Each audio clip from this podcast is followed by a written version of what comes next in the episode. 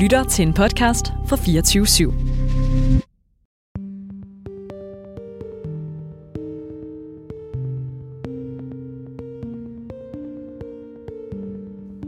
Victoria Guldmand, hun er 22 år, og hun har lige fået opereret en tumor ud af hjernen. Et fremmed læge, hun aldrig har kunne forholde sig til, fordi den ikke har været til at se. Første gang Victoria selv opdager, at hun er syg, ja det er da hun ligger alene i CT-scanneren, og det gør ondt over det hele.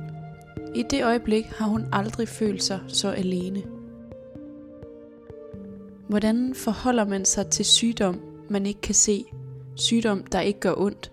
Er det forkert at være ligeglad, når ens familie og venner, de bekymrer sig helt vildt?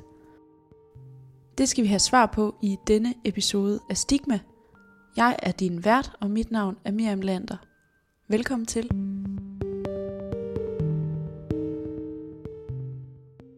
Du vågner en morgen, da du er 17 år gammel, og øh, har mælk i brysterne. Ja, Ja, du fniser lidt. det gør jeg. Kan du, kan du tage mig igennem den morgen? Altså, hvad føler du, og, og hvordan, hvordan oplever du det at vågne og have fået mælk i brysterne? Øhm, sådan lidt øh, komplet forvirring faktisk. Måske ja. mest af alt. Hvad fanden er det, og hvorfor er der en våd plet i min seng, og hvad foregår der her, og går på netdoktor, og tillykke, du er i tredje trimester. Sådan en million hits på Google. Og øh, ja. Tredje trimester. Ja, ja. Hvad vil det sige? Det vil jo sige, at øh, babyen er færdigbagt og klar til at komme ud. Så jeg er jo nok gravid. Går i panik. Ringer til min mor. Ringer til min ekskæreste, der på det tidspunkt ikke vil snakke med mig. Og det er jo nytårsaftensdag. Øhm, så jeg ødelægger jo alles nytårsaftensdag med mit færdigbagte barn, som jeg ikke ved, jeg har i maven. Og ja, så tænker jeg, ja, det er sgu noget lort. Og hvad skal man sige til far? Og, Bliver du ked af det? øh, nej, faktisk ikke. Jeg tror mere, at jeg bliver sådan handlekraftig. Mm. Sådan, okay, hvad skal der ske nu? Køb en graviditetstest, sådan. Nå, den er negativ. En mere. Jeg skal lige have det positive test. Sådan. Ja, det er sgu underligt. Og din graviditetstest, som du tager i løbet af dagen, de er negative. Negativ. Og jeg booker en tid ved lægen. Og får taget urinprøve derinde, og de er også negative. Selvfølgelig. Men hvad siger lægen til det? Øh, lægen siger, at det lyder meget underligt. Så derfor får jeg taget blodprøver jo. Mm. For at se, om man har sådan en graviditetshormon i kroppen. Det er jo også negativt. Der er jo ingenting. Du er ikke gravid, Jeg er ikke gravid. men du har mælk i brysterne. Men jeg har jo mælk i brysterne. Og hvad er det lige? Og så øh, finder min mor jo på, at det kunne være noget hormonelt, der mm. foregår op i hovedet. Og hvad sker der så? Jamen, øhm, altså først så får jeg den der blodprøve, det der svar. Og jeg er egentlig sådan lidt fortvivlet, fordi på en eller anden måde er jeg jo sådan, nu er jeg jo afklaret med, hvad der skal ske, og sådan, jeg skriver til min mor der den 2. januar, sådan, jamen jeg er hverken sådan helt lettet eller helt ked af det, sådan, jeg ved ikke helt, hvad jeg skal synes. Og så lige pludselig rammer det mig sådan, jeg skal ikke have et barn. Og så får jeg sådan sus ned i maven, sådan, yes, fuck, hvor er det vigtigt. Du blev bare lettet. Kæmpe lettelse. Altså, jeg kunne have fløjet hjem fra lægen. Jeg var virkelig sådan, det er det bedste, der kunne ske der. Jeg har bare mælk i brysterne. Altså, hvad kunne det, hvad kunne det være til, der kunne ske? Det kunne være en, altså en baby. Så det var jo ikke en baby, og det var bare det dejligste, der kunne være. Hvad ville være værst? Tumor eller baby? Baby. Ja. 100% baby, fordi en tumor kan man jo gøre noget ved. Du var 17 år, og du var bare lettet over ikke at være gravid. Jeg var 17 år, og min største bekymring i livet var, hvem jeg skulle score til fredagsfest. Altså, det var en baby, det var det værste, der kunne ske. Og det bliver ligesom opdaget midt i sådan en familiekrise. Altså, min morfar, som er hele familiens klippe, han er lige død pludseligt. Og min mor har lige fået fjernet sit underliv, og min lillebror, han drukner lidt i sådan alle andres sorg. Så en eventuel graviditet havde været det værste, der kunne ske. Altså, det havde bare været så dårligt tidspunkt, uanset hvad. Og jeg skulle jo til at blive student, og ja, så i virkeligheden var tumoren jo en velsignelse. I Var du, var du sikker på, at det var bedre, det der med at have en tumor i hjernen? Jamen, altså, jeg tror ikke, at der er nogen af os, der tænkte, det var en tumor nødvendigvis. Mm. Vi var bare sådan, der er en ubalance, mm. fordi du der har jo tydeligvis mælk i brysterne. Så vi jo se, hvad det er, og så kommer jeg til scanninger og sådan noget. Og så ser de den der lige på, lige på øh, tavlen, og så er det jo bare en tumor. Og jeg, Hvad er det, de ser på tavlen? jamen sådan en lille, øh, en rund kugle jo. Ja. Som min tumorlæge kaldte en knast, en dut, en lille dims. Og hvor sidder dimsen? Den sidder i hypofysen, der hvor man laver hormoner. Så der sidder den og hygger sig, og der er mange, der opdager den, fordi de får dobbeltsyn. Mm. Så lige pludselig så er der to tv-skærme i stedet for en. Øhm, men ja, det er jo nok fordi, jeg har stået på p-piller. Og så havde mine egne hormoner fået lov til ligesom at skinne igennem. Og så, så sagde de jo, der er noget galt. Det var der også. Massiv mængder prolaktin i kroppen. Det er det hormon, der laver mælk. Okay. Ja. Er det alvorligt at have en tumor i hjernen? Jeg tror altid, det er alvorligt at have en fremmed ting i hjernen. Mm. Altså, der, er jo, der er jo den plads, der er, kan man sige. Men jeg har jo ikke set det som alvorligt, fordi det hele tiden blev talt ned. Især ham min tumorlæge der. Altså han var meget mere optaget af at snakke om mit studie og min sabbatår og hvad. Okay. jeg gik og lavede og sådan noget. Det var bare lige sådan, nå ja forresten, så har vi lige kigget på din MR-scan igen, og den ser fin ud. Og... Så han var virkelig god til at tale det ned. Altså det var mere min, min familie, der gik i panik hele tiden, og krise, og hvad skal der ske, og ja. Så, så altså Fik- jeg, Fik du et indtryk af, at det var alvorligt? Overhovedet ikke. Nej. Altså overhovedet ikke. Og jeg tror også, at det er derfor, der blev jo ikke ringet alarm på nogen måde. Altså det var mere sådan min familie, der talte det op. Og der tror jeg nogle gange også, at ens familie generelt jo er bekymret for en. Så derfor tænkte jeg, at det var nok bare ja, bekymring fra deres side. Og han virkede jo meget sådan stille og roligt omkring det. Og der skulle jo ikke ske noget nyt. Altså jeg skulle bare have taget blodprøver og scanninger og sådan en gang imellem. Og så kunne jeg jo fortsætte mit liv med lidt mælk i brysterne og sådan noget. Så scanninger og målinger en gang imellem. Ja. Hvilken indvirkning havde det så sådan helt konkret på dit nye liv at have en tumor og leve med det? Altså jeg, øh, jeg flytter rimelig hurtigt efter de har opdaget den, flytter jeg til udlandet. Mm. Øhm, og der øh, får jeg bare at vide, at jeg bare kan leve mit liv, som jeg vil. Og så kan jeg blive scannet, når jeg kommer på juleferie. Og det gør jeg så, og det er fint. Øhm, men så begynder jeg så på medicin der. Øh, efter et års tid, tror jeg. Øhm, så man skal tage en gang om ugen. Øh, og gerne aftenen inden. Øh, en dag, hvor jeg ikke har nogen planer, for man bliver sådan oftere syg end ikke af dem. Øh, og der er nogle ret voldsomme bivirkninger. For eksempel ludomani og ekstrem sexlyst. Til det punkt, hvor det er til fare for andre. det står ved indlægssiden. Du fniser. Ja, og jeg citerer vidderligt, hvad er til fare for andre. Hvad skulle øh, medicinen virke imod? Altså bare mod øh, mælken, faktisk, i brysterne. Ja. Altså, det er noget, man tager for at stoppe amning normalt.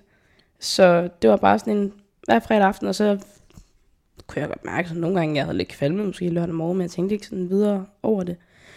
Øhm, det var bare fordi, at jeg fik at vide, at det var en måde sådan at stabilisere mine hormoner på. Ved, så mælken var ligesom et symbol på, eller et tegn på, at der var alt for meget af det her prolaktinhormon. Så, øh, så jeg så bare den hver fredag aften. Og så, øh, og så var det bare sådan, det skulle være. Fordi jeg var en af de heldige, der ikke rigtig fik bivirkninger af det. Havde bare lidt stramhed i brystet og sådan. Men ellers ikke. Øhm, og jeg er på de piller i to år. Indtil jeg ligesom kobler to og to sammen. Og indtil at jeg faktisk måske er lidt ked af det hver lørdag. Øhm, sådan lidt blå græder altid om lørdagen. Mm. Øh, og mit humør er slet ikke, hvad det ligesom har været. Så jeg stopper bare på dem, for det har jeg fået vide, det må jeg gerne. Og det er jo bare, hvis bivirkninger er trælse, så kan jeg, så kan jeg bare stoppe. Altså, hvis jeg har det fint med at have mælk i brysterne. Øhm, og så bliver jeg meget gladere, og det er jeg glad for, fordi jeg sådan, at natur er et lykkeligt væsen, hvis jeg selv skulle sige det. Øh, og jeg fortæller mine læger, at det der er ikke noget for mig, og altså jeg er ligeglad med, at jeg kommer en time for sent til en begivenhed, fordi jeg skal stå og massere mine bryster, fordi de gør ondt -agtigt. Øhm, og sådan tage lag. Altså der var, der var meget sådan bøvl indviklet i at have mælk i brysterne. Ja, jeg skulle lige til at spørge, hvor meget, altså når du ikke var på pillerne, Ja. før du fik pillerne, og da du Ja. stoppede på pillerne, Ja. hvor meget mælk drejer det sig om? Jamen det er ikke, det er ikke en daglig ting. Mm-mm. Det kunne være sådan, det er sådan en kuldegysning, der kunne ske en gang imellem. Så, uh, så var der lige en dråbe. Men det var også, for eksempel her til semesterstart i år, så var det jo sådan noget, altså store, store mælkeskjolder. På Og din sådan- bluse? På min bluse. Altså sådan fuldstændig ligesom stereotypisk kvinde, der ikke havde ammet i tre timer, og det bare sådan knuger. Øhm, så jeg kørte jo meget med lag på lag i starten, fordi altså, hvis det altså, bløder ikke bløder igennem, men hvis det går igennem den ene trøje, så er der mindst den anden trøje-agtigt. Øhm, men det var også, da jeg skulle til fredagsbar her i september, der kom jeg jo flere timer for sent, for jeg havde så ondt i brysterne, og de var bare var stenhårde. Jeg har simpelthen så meget mælk i brysterne, og jeg står derude i bruseren og sådan står og, uh, det gør ondt, og prøver mm. sådan at massere det lidt ud.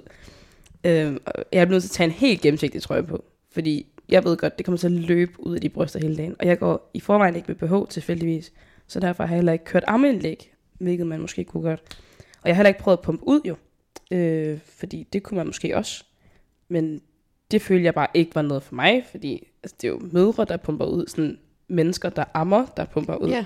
Altså, jeg skal jo ikke pumpe ud, jeg har jo bare mælk i brysterne. Ej, sådan, måske ja. sådan, distanceret mig lidt fra, hvad det egentlig betyder at have mælk i brysterne. Øhm, men ja, så, øh, så det var sådan mest bøvlet egentlig. Og sådan, når det, det kommer meget i perioder, sådan, så fik jeg mega ondt i brysterne. Og, og smertefuldt. Ja, ja. Men, men jeg er helt sikker på, at det er måske hjulpet bare at pumpe ud. Jeg har aldrig faktisk overvejet det. Fordi jeg tænkte, Du, det er jo, Jeg er jo ikke gravid. Nå nej, man Nej. pumper ud til et barn. Til sutteflasker og den slags. Ja. Altså, Du vælger simpelthen at gå af pillerne, frem for at være på pillerne. Fordi. Mm. at du synes, at det er nemmere at have mælk i brysterne, end det er at være ked af det hver lørdag. fordi øh, det ikke forringer min livskvalitet som sådan at have mælk i brysterne. Og det er ikke noget, jeg skammer mig over. Og det er noget, jeg har fortalt folk, at jeg har mælk i Mm. brysterne. Og jeg har jo også altid taget meget let på det. At det har jo altid været sådan en ongoing joke mellem mig og vennerne. Sådan, Nå, det er bare tumoren, der driller, hvis jeg var lidt underlig en dag, eller åh, du er lidt, du er lidt malket i dag. Det, sådan, det har jo hele tiden bare været sådan lidt humor. Altså, jeg har aldrig været ked af, at jeg havde en tumor i hovedet. Jeg har aldrig været ked af, at jeg havde mælk i brysterne. Altså, det har aldrig været en... Ja, det har aldrig været en øvting for mig. Det har bare været sådan en, et faktum. Mm. Ligesom at jeg skal stoppe om morgenen og spise morgenmad. Så har jeg en tumor i hjernen. Eller ligesom at himlen er blå i dag, så har jeg en tumor i hjernen. Mm. Det, er sådan, det, har ikke, det har ikke rystet min grundvold på nogen som helst måde. Så, så altså, jeg valgte bare at gå af pillerne, fordi det der træls, var ked af det om lørdagen. Det er en god dag lørdag. Hvilke nogle bivirkninger var der sådan lørdag øh, på grund af medicinen? Jamen, det er jo svært, for jeg har ikke rigtig pinpointet det som sådan. Altså, jeg har ikke rigtig sådan tracket det. Fordi det er noget, jeg sådan indser en eller anden lørdag, hvor jeg sidder og græder, og ikke ved, hvorfor jeg sidder og græder. Og så er jeg sådan, det er lidt sjovt, jeg var også ked af det sidste lørdag. Og lørdag blev sådan min praktiske dag, hvor jeg sådan gik og ordnede ting, fordi jeg blev sådan lidt blå. Men, øh, men det var mest bare sådan en, som om det var bare sådan en stor sky overhovedet.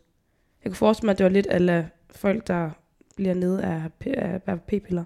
Mm. Sådan noget i den dur.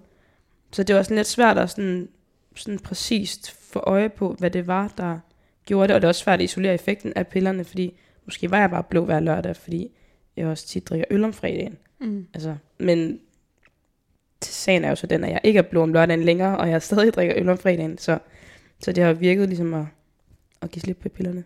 Så ja, meget hellere en mælkeskjold på brystet, end, end at være ked af det lørdag. Og derfor går du til lægen og siger til lægen, jeg vil gerne stoppe med at tage medicinen. Jeg stopper bare. Altså, ja, altså, han har jo sagt hele tiden, at, at det var bare for min egen skyld, at jeg skulle tage her medicin, sådan at, åh, det er da træls med mælk i brystet, og dine hormoner er lidt vilde, men altså, hvis det er træls, så, bop, bop, så stopper du bare. Altså sådan, hele tiden tale det ned og være sådan, det, altså, det er en, der er nærmest en bagatelgrænse, altså, det er jo ikke engang så galt. Altså, en hver, det kunne ske for en hver nærmest. Så jeg, jeg stopper bare, og så, så siger jeg det til ham, og det siger han er fint, og det bliver noteret i min journal, og så kommer jeg til mit øh, rutinecheck her i sommer, og så Hvor er der rutinecheck? Ude på sygehuset. Ja. Ude på Skype sygehus. Og det medicin, jeg får, det er vederlagsfrit. Så det vil sige, det er noget, jeg henter på sygehusapoteket, eller som de sender til mig. Mm. For det er meget dyrt. Øhm, så, så det er sådan, ja, det har nok også været sådan lidt, åh, nu bliver jeg indkaldt til læge igen, og nu skal jeg tage blodprøver igen, og nu skal jeg scannes igen, og sådan. Mm. Men det har heller ikke været vildere end det. Altså, det har virkelig Hvor tit at, har du gået til et rutinecheck? været halve år. Okay. I starten var det ret meget. De skulle lige finde ud af, hvordan der var det, så en masse blodprøver og sådan. Var det en irritation i din hverdag? Ja, det vil jeg sige. Ja. Altså sådan, sådan bliver man konstant indkaldt til læge og sygehus og blodprøver og scanninger og afhentning af medicin og sådan. Det var bare lidt irriterende, Mm. egentlig. Øhm, og det var også nogle gange, tror jeg også, jeg blev lidt irriteret over sådan det med at skulle forklare hele tiden, at jeg skal lige til scanning i dag, og fik dårlig samvittighed over for min lægesgruppe, fordi det virkede bare sådan, oh, fuck, nu skal hun til læge igen, altså.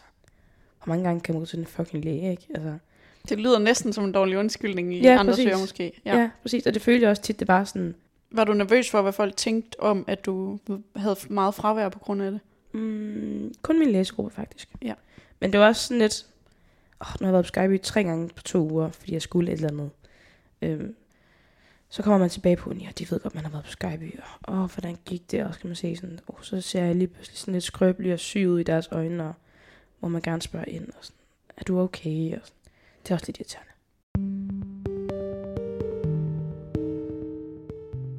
Hvad sker der til rutinechecket i sommer? Øhm, jamen, jeg kommer til mit rutinecheck.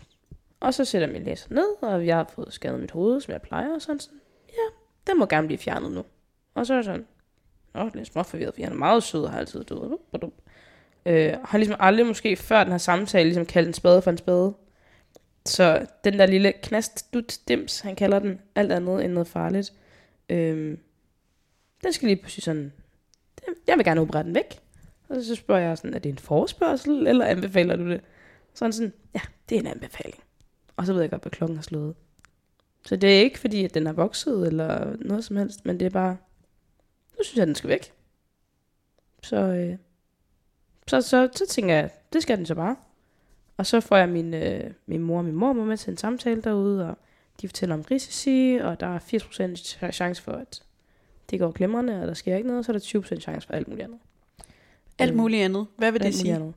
Det er for eksempel skade på synsnerven, eller skade på selve hypofysen, der hvor man danner hormoner. Synsnævn. Mister man så synet? Mm, jeg ved ikke helt præcis, hvad der kan ske, men det er fordi, de ligger lige op ad hinanden Okay. inde i hovedet, så jeg tror bare, det er sådan, når man rumsterer rundt der, så kan der jo ske alt muligt. Ja.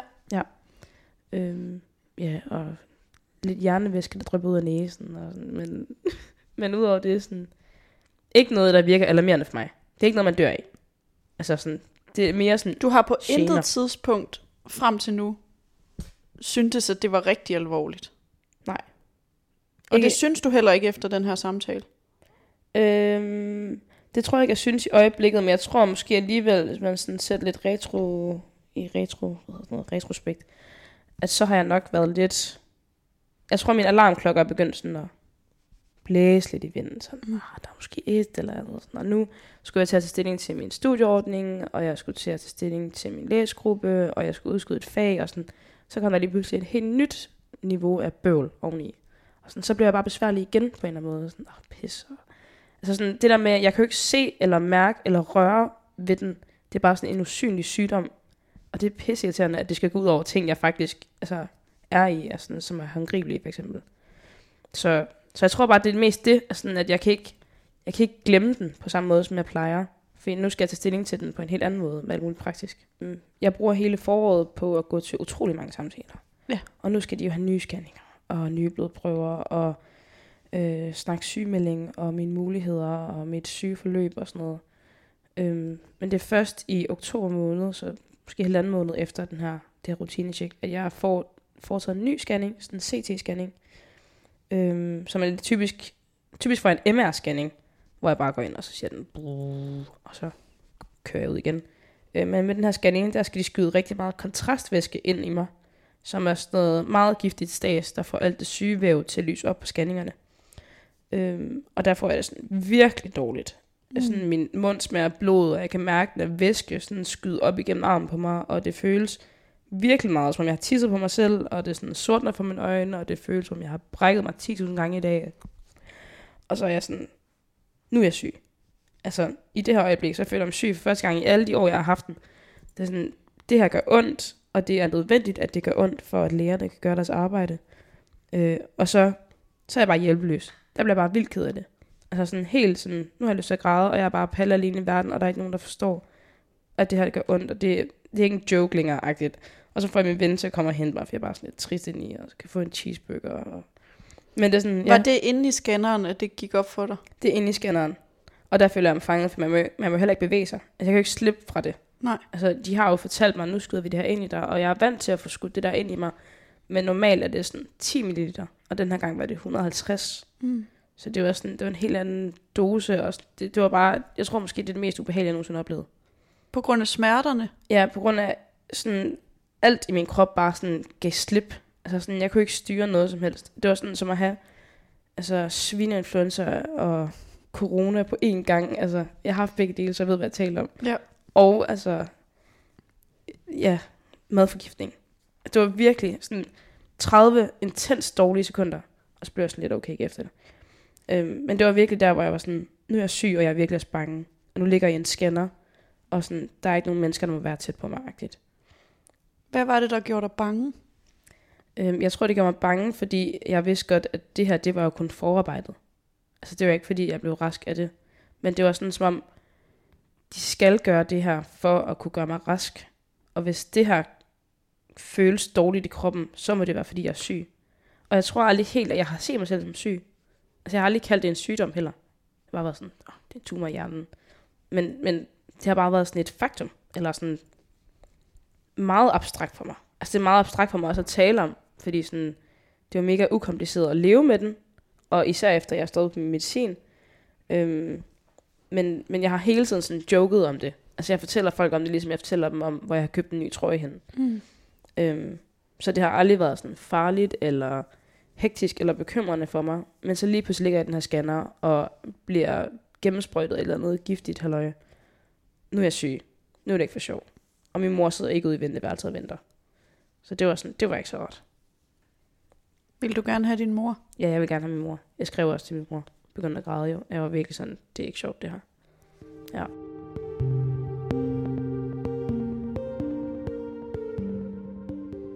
Hvornår bliver du så opereret?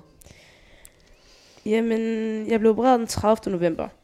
Så det hele er gået ret hurtigt. Altså fra det der rutinetjek, det er start september, midt september eller sådan noget, til at jeg blev opereret, der går der jo to måneder.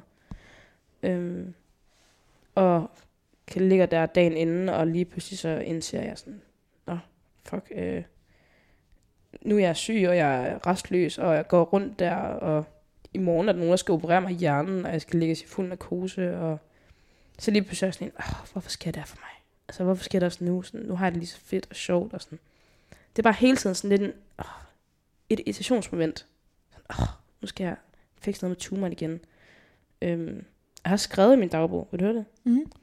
Jeg skrev i min dagbog dagen inden, at sådan, i morgen skal jeg opereres hjernen, og det virker ret fjernt for mig. Og jeg har ikke lyst, og jeg synes ikke, det er spor sjovt at tænke på, at jeg kommer til at få ondt, at der farlige ting kan ske. Og jeg har ikke lyst, fordi jeg slet ikke aner, hvordan det bliver, eller hvordan det er, eller om jeg på nogen måde er forberedt på alt det, der skal ske. Jeg er faktisk lidt bange, tror jeg. Og jeg føler mig mere ensom, end jeg nogensinde før har gjort. Og følelsen er ikke engang spor stærk, mest fordi jeg godt ved, at jeg aldrig er alene. Øhm, men at jeg også er ufattelig heldig, øh, og alligevel føles det bare tomt indeni, for der er ingen, der ved, hvordan det føles, eller kunne føles at være at være mig, og vide, at jeg skulle opereres i hjernen lige om lidt. Og jeg synes bare, at tanken om fuld narkose er mega uhyggelig og klam, og jeg bliver lidt bange for aldrig at vågne igen, eller opdage, at jeg falder i søvn. Og nu har jeg bare lidt lyst til at græde og være alene. Det er sådan der, så er jeg sådan, nu er det nu. Nu er jeg ked af det og ensom igen. Ja. Det er sådan de to øjeblikke, hvor jeg har været sådan, jeg er syg. Og der er ingen, der kan vide, hvordan det er lige præcis at være dig det øjeblik. Mm. Har du følt i den situation, at ingen andre kunne forstå, hvad det var? Jeg tror, måske det har bidt mig lidt i røven, at jeg har taget så let på det. Mm. Fordi hver gang folk har prøvet sådan at spørge lidt ind til det på en seriøs måde, så har jeg bare affredet det. Og det er ikke fordi, jeg vil altså, tale det ned selv, men det er jo vildt, fordi jeg ikke har set det som en stor ting. Så jeg tror også, at når jeg har joket så meget med det, så lige pludselig føles det også underligt, og sådan, jeg er sådan, hej venner, jeg er ked af det i dag. sådan, jeg er bange for min tumor. Når jeg hele tiden sådan har, ja, taget pis på det på en eller anden måde. Vil du gerne leve op til den seje facade, som det måske ikke var, men Mm. det lige pludselig blev til en facade? Mm. Vil du gerne leve op til det? Øhm, nej, jeg tror, at det var okay for mig at være sårbar, men jeg tror slet ikke, jeg var klar på, at, at jeg blev ramt sådan. Altså, jeg, jeg havde slet ikke processeret det selv. What? Hvad sker der lige her? Sådan, jeg skal opereres i hjernen i morgen. Øh, kan vi lige snakke om det alle sammen? Hallo? Og sådan, alle har jo gået sådan og taget dagene ned og været sådan, okay, ja, god bedring, og vi ses om lidt, og kommet forbi med blomster og gaver og alt muligt, og mega sød. Men jeg var ikke forberedt. Mm. Altså, jeg var ikke klar. Hvordan kan man forberede sig til en operation? Ikke lægen. Øh, Det mm. ved vi godt. Der er ligesom nogle ting, de skal have styr på, og Mm. nogle studier, de skal have på plads. Mm. Hvordan, hvordan kan man forberede sig på at være den, der skal blive opereret? Du skal bare fast. Hvorfor følte du dig uforberedt? Mm, fordi det var jo det var totalt ud af mine hænder. Altså det føltes meget ubehageligt, bare at skulle dukke op og sådan ligge mig. Øhm, så jeg ved ikke, hvorfor jeg følte mig uforberedt. Jeg, jeg tror bare, jeg følte mig sådan uafklaret. Var det tankerne, der var uforberedte? Ja, måske.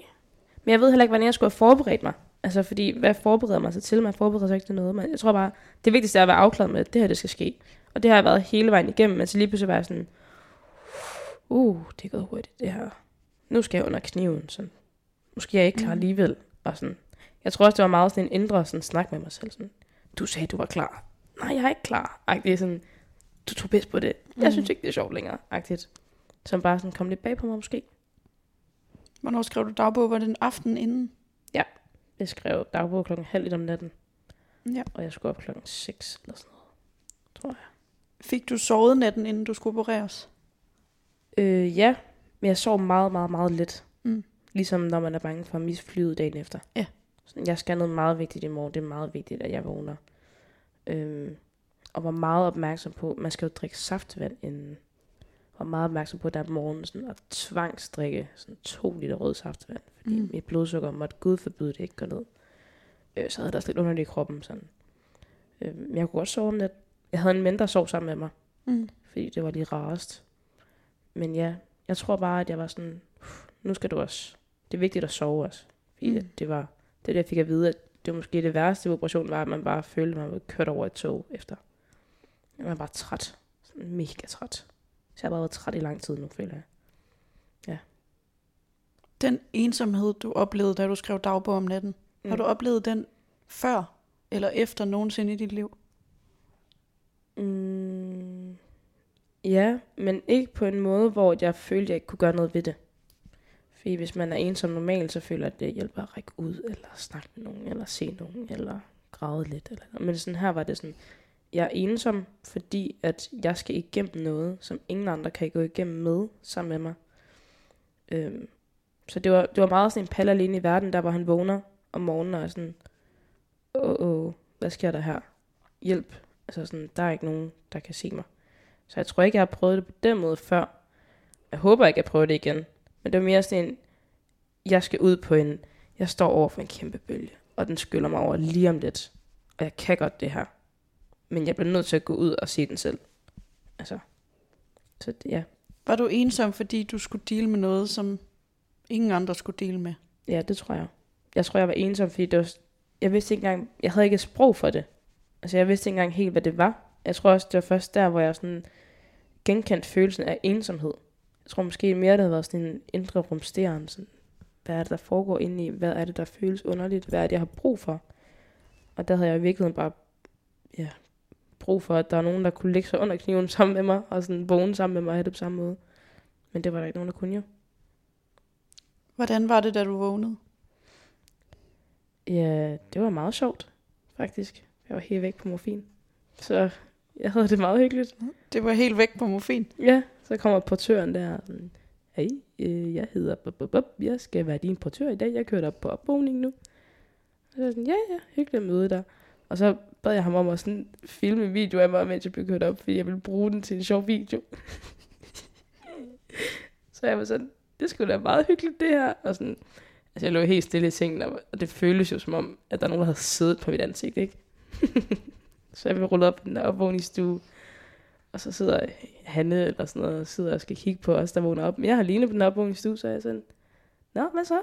God vagt. og sådan, må jeg godt få min telefon? så får jeg min telefon, så sender jeg lige nogle thumbs up selfies til venner og familie, og sådan, yes, alt vel. Jeg, jeg ligner bare en, der altså, er blevet kørt over. Og der var blod på min trøje, og så der thumbs up, og sådan, fedt mand. Ej, de har ikke lige givet dig en ren på. Nej, nej. Nej. Altså, øh, jeg ved simpelthen ikke, hvad jeg ligner.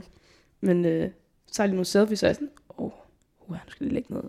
Så sådan, Hanne, kan jeg få noget med morfin, tak? så pumper hun lige lidt med morfin i mig. Ah. så scroller jeg lidt videre på Insta. så jeg sådan, hun sådan, måske skal du sove lidt. Ja, lige om lidt. Ligger ned. Nej, det tror jeg ikke. Scroller videre på Insta. Så lidt chatter lidt med vennerne. Så det var sådan virkelig afslappet. Du smiler rigtig meget, når du fortæller det. Var du ja. Lidt øh, høj på morfin? Ja, det var jeg helt sikkert. Ja. Altså, jeg havde jo overhovedet ikke forventet det. Nej. Jeg var bare sådan, fuck det er vildt. Det er sket, og jeg har det mega fedt. Altså, og det var det. det slemme er sket, og det føles sådan her. Hvor fedt er det lige? Ja. Så blev jeg så rullet op på min stue efter et, par timer, der føles som fem minutter. Hvor min familie så kommer, og min lillebror, han ligner en, der siger spyt. Han er jo sådan, hvordan er det, du ser ud? Og jeg har jo, altså jeg har jo øh, nåle og ledninger og morfindrop og sådan noget i mig over Men det du har ikke selv sådan rigtig lagt mærke til, at det skulle se Nej. anderledes ud? Nej, det tror jeg ikke. Og så jeg, jeg er vant til at, til at få lagt de der Drop. øh, IV-ting ja. øh, i hænderne. Så altså, for mig virkede det ikke så voldsomt. Øh, jeg har også et kateter i, så det vil sige, at hele min familie kan sidde og følge med i mit tis. Ja. Øh, jeg synes ikke, det virker voldsomt. Men jeg tror, det voldsomme er, at mit ansigt er mega oppustet. Ja. Altså, jeg ligner jo en, der ja, er blevet slået lidt i hovedet, uden at, sådan at, at man sådan er hævet, men sådan, jeg er bare sådan lidt fluffy. Ja.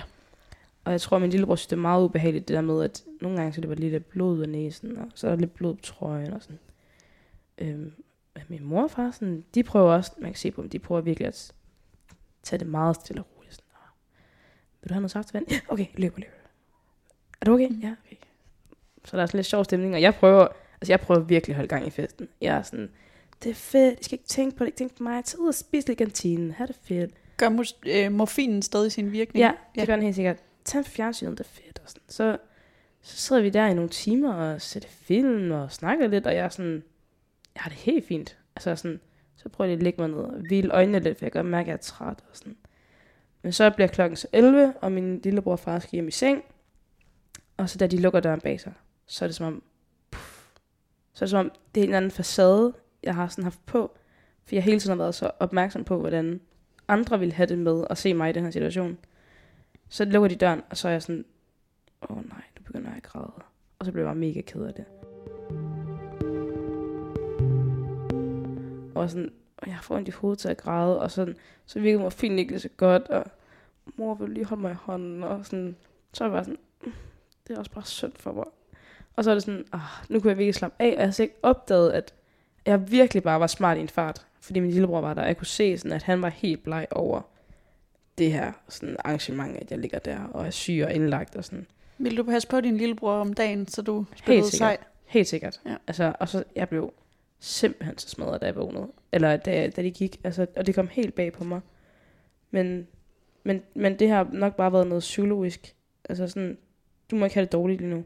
Altså sådan, du må ikke vise, at du er syg lige nu. Så max bare lukke øjnene en gang med, men sådan, jeg kørte virkelig bare derud af. Og så, Hvad kunne du se på ham? mm, han var bare sådan helt sådan, sådan stiv og sådan ubevægelig i sin, sådan, øh, sådan noget, krops, krops, hvad hedder det, Sprog. kropssprog, tak. Sådan helt øh, Anspændt. bevidst. Ja, anspændt og sådan bevidst om, at vi var på et sygehus, og jeg var indlagt, og jeg var syg. Og sådan nogle gange, hvis vi sad og så fjernsyn, så kunne jeg se, at han lige kiggede over på mig. Så lige var, kiggede lige, kiggede på fjernsyn igen. Sådan, jeg skulle lige se, om jeg var okay. Jeg kiggede op igen, og sådan, Tror du, at du lykkedes med at virke øh, cool? helt sikkert. Helt sikkert. Han kom ikke tilbage dagen efter, faktisk. Fordi han synes, det havde været ubehageligt, så jeg havde jo ikke helt fejllæst ham. Øhm, men jeg tror, det lykkedes ret meget, og jeg tror også, han synes, det var lidt suspekt, at jeg var så cool. Men sådan, så, så var jeg sådan, ah, tag lige et billede af mig, bro. Og sådan. Så gjorde jeg lidt grin med det, og så tror jeg, han tænkte, at hun har nok ikke så galt. Øhm, så jeg, jeg gjorde det klart for at, sådan, at beskytte ham, tror jeg. Og det er også, altså, vi har også snakket meget om i familien, sådan at det kunne være ham, det var hårdest for. Fordi dengang jeg fik opdaget tumoren, der var det jo lige efter, at min morfar var død meget pludseligt, og min mor havde været indlagt med øhm, få fjernet hele sit øh, underliv. Så det var meget sådan hospitalsperiode dengang. Og han var jo ikke særlig gammel dengang. Han har været 10-12 år eller sådan noget. Mm. Så det var sådan, det hele er, sådan kørt meget hurtigt, og vi har slet ikke set ham i det. Så nu kan han ikke så godt lide hospitaler, tror jeg. Nej. Og så var det trælt, at jeg skulle være derude. Så det var, sådan, det var virkelig vigtigt, at det skulle være en positiv oplevelse for ham. Ja, helt sikkert. Hvorfor løb der blod ud af din næse, da du vågnede? Det var bare fordi, at de havde jo opereret mig igennem næsen. Faktisk, de fjernede tumoren igennem næsen. Okay. Og øh, jeg havde jo, som sagt, havde vi jo ikke snakket så meget om selve tumoren inden operationen, føler jeg. Og jeg vidste jo heller ikke, hvor stor den var, eller noget som helst. Så da kirurgen kommer ind dagen efter, og sådan skal fortælle mig, hvordan det er gået og sådan noget, så siger han jo, øh, ja, det vi troede var en kæmpe tumor. Og så er jeg sådan, wow, wow, wow. Det I troede var hvad? Altså sådan, der er aldrig nogensinde nogen, der har brugt de ord over for mig. Kæmpe tumor. Øh, men det, de så troede var en kæmpe tumor, har åbenbart punkteret sig selv en lille smule. Så den var sådan glidet lidt ud, og var ikke så fast og kugleagtig, som de havde forventet, hvilket i sig selv var godt. Øhm, men de har så fjernet den igennem næsen, så der er jo lige noget, der skal heles. Jeg må jo aldrig få lagt øh, sonder i næsen af folk, der ikke ved det længere. Og jeg er også blevet nødt til at stoppe med at pille næse. Det er jeg også glad for. men det gør jeg heller ikke længere, og Hvad med coronatests? det må jeg heller ikke. Nej. Der er ikke noget, der var op i næsen. Nej. Faktisk. Men det kan man jo sige, jeg tror også, det i sig selv har gjort mig mm, mere rolig på en eller anden måde. Fordi det virker meget mere drabeligt at skulle opereres gennem nakken, eller få Mm. mm. bedre et stykke hår af, eller sådan. sådan. Jeg har jo Mm. slet ikke, jeg har ikke set syg ud på noget tidspunkt. Jeg har bare lignet mig selv. Og det snakkede jeg også om mig og kirurgen, så det er syret at føle sig syg, og kigge sig selv i spejlet, og man ligner fuldstændig sig selv. Altså, der er jo ikke sket noget, som jeg igen kan se og røre og mærke på, og det er også derfor, at hele tumoren har været så abstrakt. Mm. For det bare har været sådan noget, folk har fortalt mig, jeg har. Og så har de gjort noget ved den. Og det har jeg bare fået at vide, men sådan, ja, du kunne lige godt fortælle mig, at jeg, jeg havde en oldefar, der hed Kim. Altså, det havde gjort lige så meget indtryk på mig, tror jeg. Altså, det havde jo ikke ændret min verdensopfattelse på nogen måde. Så det var bare sådan, ja, mega abstrakt. Øhm, og så blev der så ved med at løbe lidt ud af næsen, og det må der helst ikke. Så jeg lå ret meget ned, og så var indlagt øh, nogle dage ekstra, selvom jeg kun skulle være indlagt et døgn.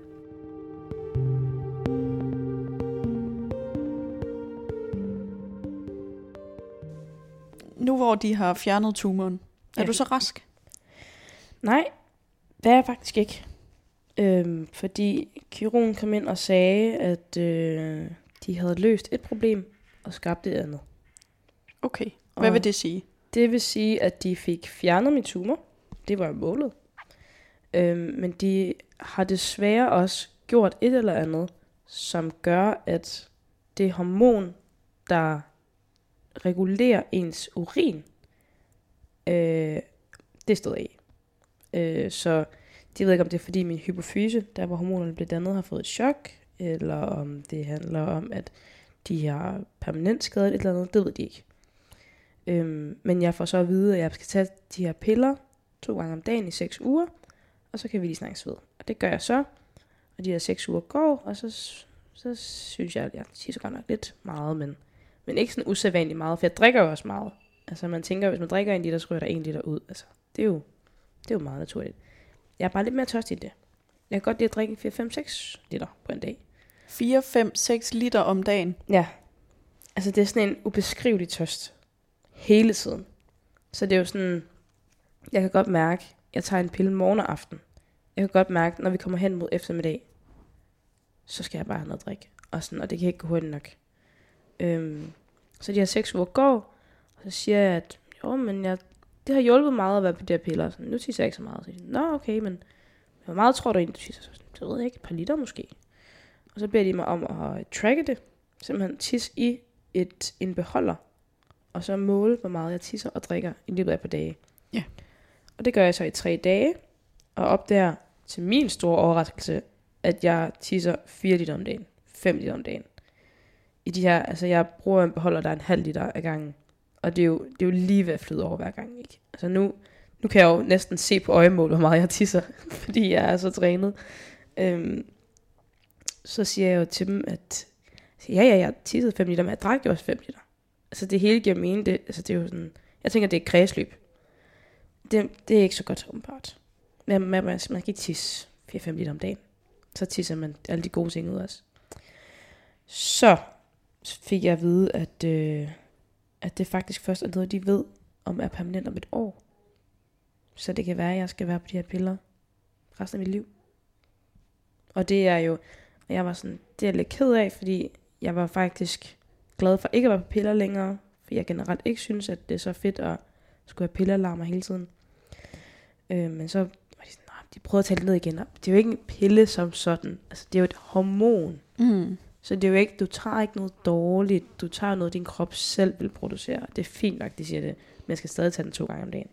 Du skal stadig huske at tage en pille, Præcis. når du står på Roskilde. Præcis. Ja. Øhm, og de der piller er voldsomt dyre. Altså, en pakke kostede 900 kroner nede på apoteket. Er det noget, man selv skal finansiere? Nej, det er det ikke. Okay. Ikke længere. Nu er, det så, nu er jeg så kommet ud på en ny vederlagsfri øh, recept. Så det er jo dejligt. Igen med sygehusapotek og hele baduljen, som jeg overhovedet ikke magtede. Øhm, men det har ikke nogen videre implikationer. Nej. Udover at jeg virkelig er tørstig, hvis jeg ikke tager de piller. Og så skal jeg jo så også virkelig tisse nogle gange. Ja. Men det, men det igen, jeg synes, det er en lille smule sjovt. Og jeg ved godt, det er lidt fyfyrt, når man ikke synes, at det er sjovt.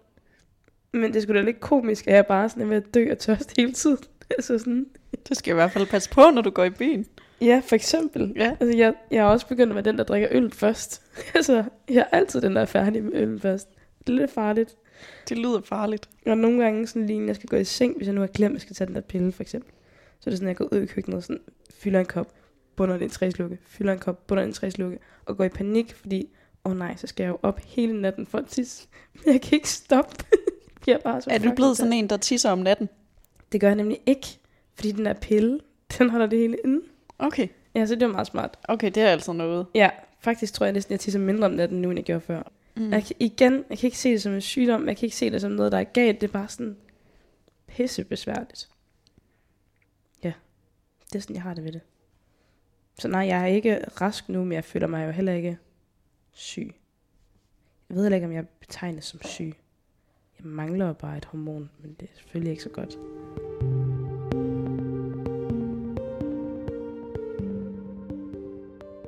Som du selv siger, så har du bare sådan nonchalant i en henkastet sidebemærkning fortalt folk, jeg har forresten en tumor i hjernen. Mm. Øh, det er aldrig noget, du har set som en sygdom, mm. før i sidste, år, sidste øjeblik, var jeg lige ved at sige, før op til, at du skulle opereres og have tumoren fjernet. Men en eller anden indvirkning må det alligevel have haft på dig. Øhm, I så mange år at skulle deal med noget, som alle omkring dig ikke også skulle tage hensyn til. jeg tror, det sværeste har været at skulle håndtere andres reaktion på den, faktisk. Ja. Fordi der er tit, hvor jeg, sådan, jeg siger det jo som sådan en henkastet sidebemærkning, ikke? Og så bliver folk sådan helt stramme i betrækket. Sådan helt grå, sådan som om, åh oh nej, hvis jeg puster på hende, så dør hun, agtigt. Og det er virkelig sådan nogle gange nogle voldsomme reaktioner. Altså folk er begyndt at græde på mine vegne. Og det er meget voldsomt, at der er nogen, der græder på dine vegne over en sygdom, du aldrig selv har grædt over. Og så bliver det lige pludselig en, skal jeg nu trøste dig, fordi at du synes, det er underligt, at jeg har en tumor i hjernen. Det er sådan, det var meget abstrakt for mig, og jeg har ikke til fulde sådan indset, hvor meget indtryk det har gjort, tror jeg, på folk, at jeg har haft den. Men, men det har helt oprigtigt, dybt, ærligt, helt nede i hjertet, aldrig været noget, jeg har været bange for. Altså sådan, jeg har også haft så meget tiltro til læger og deres kompetencer, og mega professionelt sådan, sundhedsvæsen, jeg har mødt. Og, Du skrev i din dagbog, at du var taknemmelig. mm. Hvorfor det? Øhm, fordi jeg tror, ironisk nok, at tumoren kom på det bedst mulige tidspunkt. Eller blev opdaget på det bedst mulige tidspunkt, fordi der var bare kæmpe krise i mit liv. Altså sådan min morfar, mit livs klippe, min bedste ven i hele verden, pludselig død. Min mor ligger indlagt og har fået fjernet underlivet. Det var planlagt, men det er stadig stort. Øhm, og jeg er bare sådan, det kan jo ikke passe. Altså sådan, selvfølgelig har jeg en tumor i hjernen, altså, what's next? Altså, kæmpe oversvømmelse og syndeflod, altså, øhm, og jeg skal til at blive student, og det hele sådan ramler bare lidt. Og så er jeg sådan, nå, så må jeg tage ja på. Altså, fuck, jeg skal ud og leve nu. Altså, nu skal jeg virkelig bare have max for mine penge. Og det der især, jeg tror især det med min morfar lige døde, det er meget sådan en påminder om, at husk, at du skal dø. Nu skal jeg altså ud og sådan mærke, at jeg lever. Jeg har faktisk et eller andet dårligt i min krop, som øh, udfordrer mit helbred i en eller anden udstrækning. Nu skal jeg ud og mærke det. Altså, nu skal jeg ud og mærke, sådan, det er det godt. Nu skal det være. Så er det også sådan, så blev jeg lige pludselig meget sådan spontan og flyttet til Bali to dage efter, jeg med SAP, og nu skulle den bare have agtig.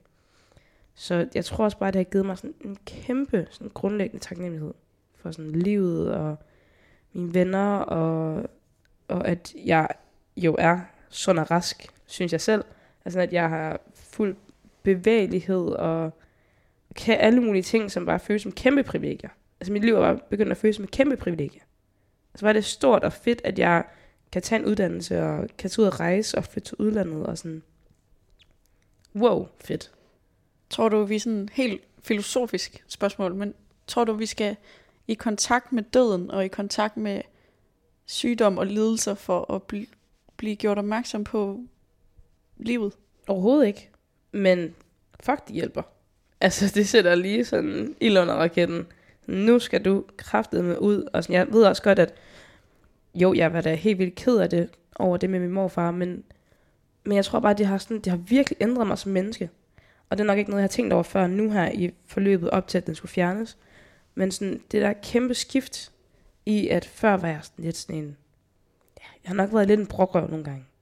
Og været sådan lidt forkælet og sådan lidt, måske lidt småirriterende også. Og der har jeg bare været sådan, jeg vil gerne være et bedre menneske, jeg vil gerne have et godt liv, jeg vil gerne gøre noget fedt for folk, jeg elsker. Jeg vil gerne ud sådan at smage på verden og se, hvad den kan byde mig. Og sådan, jeg nyder virkelig livet. Altså, fuck, det er dejligt at leve. Så jeg tror bare, det har virkelig været godt for mig. Altså, det ville være godt, det ville selvfølgelig ikke være godt for alle at få en tumor, 7 i 13, men det ville virkelig være godt for alle at have sådan et wake-up call, sådan, prøv at høre, du har et liv. Ud med dig. Altså sådan, nu skal du ud og leve det. Så man, når man har ligget CT-scanneren, var det Ja. det, den hed? Ja. Når du har ligget i den der CT-scanner og mærket smerter på kroppen og Mm. mærket indespærrethed i Mm. hovedet, Ja. i tankerne, så er det kontrasten til det, Ja. du lige pludselig har en nyvunden taknemmelighed over. Præcis. Altså det er jo sådan en, jeg kommer ud af den her scanner, og jeg kan gå ud og leve, og sådan have det dejligt igen. Sådan, det her det er det værste, der kunne ske i mit hoved. Fuck, hvor er det dejligt, at jeg kan gå ud af den her dør og leve videre. Altså sådan, hvor er det vigtigt at huske på, at vi ikke skal gå igennem en dag, hvor vi ligger i en CT-scanner og er syge og dårlige hver dag. Altså sådan, det er jo, det er jo en undtagelse, det er en, et engangstilfælde 7. i 13 igen. Men hvor er det bare kæmpe privilegie, at det er at det i sig selv var så forfærdeligt. Giver det mening? Mm. Altså en 30 sekunder smerte og ubehag og sådan ensomhed og frygt, at det var det værste, der kunne ske. Altså, jeg kan gå ud og leve nu igen. Det er fedt. Fuck, det er dejligt.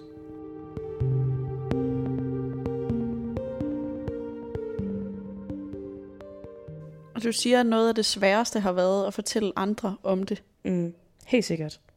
Altså, fordi de bliver bange. Også det, når folk begynder at græde, sådan, det er sådan helt syret for mig. Og jeg ved jo også godt, at jeg er blevet kaldt hende med tumoren mange gange. Mm. For så kan folk ligesom sådan pinpoint mig. Og det har bare været sådan lidt, ja, abstrakt, underligt, absurd. Øh, Har vi fordomme omkring at være syg? Det tror jeg. Jeg tror tit, at man, hvis man har en sygdom eller en diagnose, eller hvad det kunne være, at folk sådan møder en med lidt afstand. Altså man bliver sådan lidt farlig at røre. Ikke fordi, at det smitter, men der er sådan et eller andet off her. Sådan, du fejler et eller andet. Er du okay? Hvordan kan jeg afhjælpe det her for dig? Har du brug for at snakke om det? Og sådan, der er nogle gange folk, der har fortalt mig, at det er upassende hvordan jeg håndterer det. Altså sådan, at det er ikke i orden, at jeg sidder og joker med at han en i hjernen, og prøver lige at vise lidt respekt, men det er jo min tumor i hjernen, ikke? Altså, ikke for at lyde øh, respektløs over for dem, men de skal virkelig blande sig udenom, hvordan jeg har det med det jo. Altså sådan med mindre, jo, de må meget gerne bekymre sig om det, og man må meget gerne spørge ind til det, men man skal jo heller ikke fortælle mig, hvordan jeg skal håndtere min sygdom. Og det har jeg nogle gange været irriteret over, at, at folk har meninger om, hvordan det må være at være mig, eller hvordan jeg bør reagere, eller hvordan jeg skal have det med det. Det synes jeg har været sådan. Det synes jeg i sig selv er upassende. Men jeg tror, det er, fordi folk selv har så meget berøringsangst over det, og en eller anden idé om, hvad det vil sige at være syg, altså sådan konceptet at være syg, at det skal være noget stort, og noget, der fylder, og noget, der sådan er med i min lille korte beskrivelse af mig selv. Det har det bare ikke været. Altså, det har bare været, ja, en skavank, ligesom så meget andet. Er det folks fordomme, der får dem til at undre sig over måden, du har taklet det hele på? Jeg tror, det er fordi, de slet ikke ved, hvordan de skal møde det. Jeg tror ikke, jo, måske det er en fordom, men jeg tror, det er fordi, de sådan bliver helt paf over, at jeg sidder og har en, en helt neutral eller endda sjov samtale om, at jeg har en tumor i hjernen. Og så ved de slet ikke, hvordan de selv skal håndtere, og så bliver de sådan lidt forarvet over, at jeg ikke reagerer på den måde, de gerne vil have, jeg reagerer på. Så jeg ved ikke, om det er deres... Jo, det er nok måske deres fordom, men mere sådan en... Jeg ved ikke selv, hvordan jeg skulle rumme, at du er syg. Hvorfor rummer du det ikke på den rigtige måde for mig? Og det, og det er jo måske bare lige at tage sig selv ud af ligningen og være sådan, okay, det handler faktisk ikke om mig, det her. Det handler om dig, men, men nogle gange er det blevet gjort til, at det også handlede om dem og deres følelser omkring det. Hvis, hvis nogen fortæller andre, jeg har det her, eller Mm. jeg lider af det her. Det kan du ikke se på mig, men nu har jeg det her. Mm. Hvordan er så den rigtige måde i dit hoved at reagere på det? Nå, hvordan har du det med det? Mm. Altså, hvordan har du det med at være syg, eller hvad betyder det for dig? Og så har jeg jo sagt, jeg har det jo fint med det. det betyder ikke noget i min hverdag at være syg. Øhm, jeg tænker, det vigtige er sådan ikke at tillægge ens egen følelser for meget betydning i den samtale.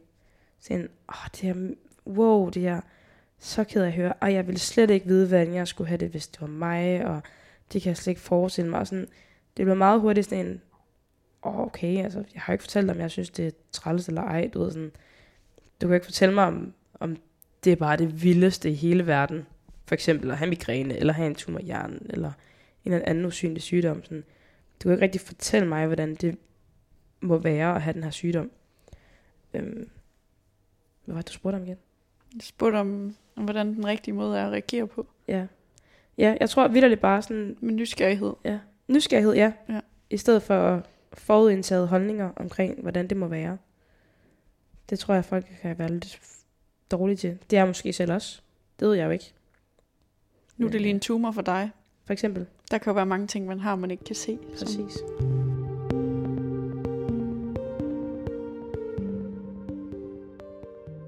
Så de sidste par år, hvor at dit ungdomsliv, er det jo fra du er 17 til i Mm. dag, har været anderledes end så mange andres. Det er ikke nødvendigvis noget dårligt, eller hvad? Nej, det synes jeg ikke. Altså alle de der, sådan, jeg tror hver gang jeg har taget til scanninger og blodprøver og samtaler og sådan, har jeg ligesom været tvunget til at se mig selv i, sådan, se mig selv lidt udefra måske, og være sådan, hvad har du gang i lige nu? Så hvad er der sket de sidste halve år? Kan vi godt lide den sti, vi er på vej nedad? Øhm, så jeg tror måske, det egentlig har hjulpet meget med sådan at bremse op, og lige sådan se det hele udefra, lige vurdere, evaluere, kan vi godt lide det her? Kan vi ikke lide det? Fedt. Vi kører videre. Og sådan, så jeg tror egentlig, det har været mega godt for mig. Sådan som ung voksen også at have ja, sådan sætte små pejlemærker for mig selv, efter sådan, hvad, hvilken vej jeg gerne ville. Og sådan, og huske med mig selv om, at åh, hvor er det dejligt at cykle væk fra sygehuset. Med min krop, der ellers har det fint og godt, og sådan ud i solskinnet og ah, væk fra sygehuset. Tak fordi du havde lyst til at t- tale med mig, Victoria. Selv tak. Og tillykke med, at du er tumorfri. Jo, tak. Det er da dejligt. det er vi glade for.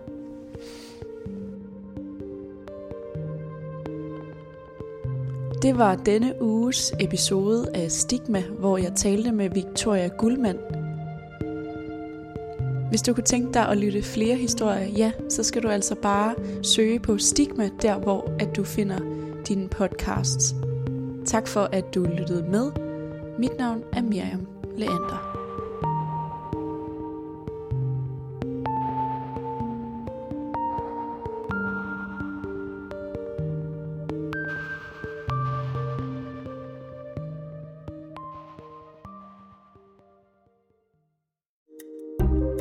Kære lytter, du har lyttet til et program fra 24 /7. Du kan finde meget mere modig, nysgerrig og magtkritisk taleradio på 24 7 appen Hent den i App Store og Google Play.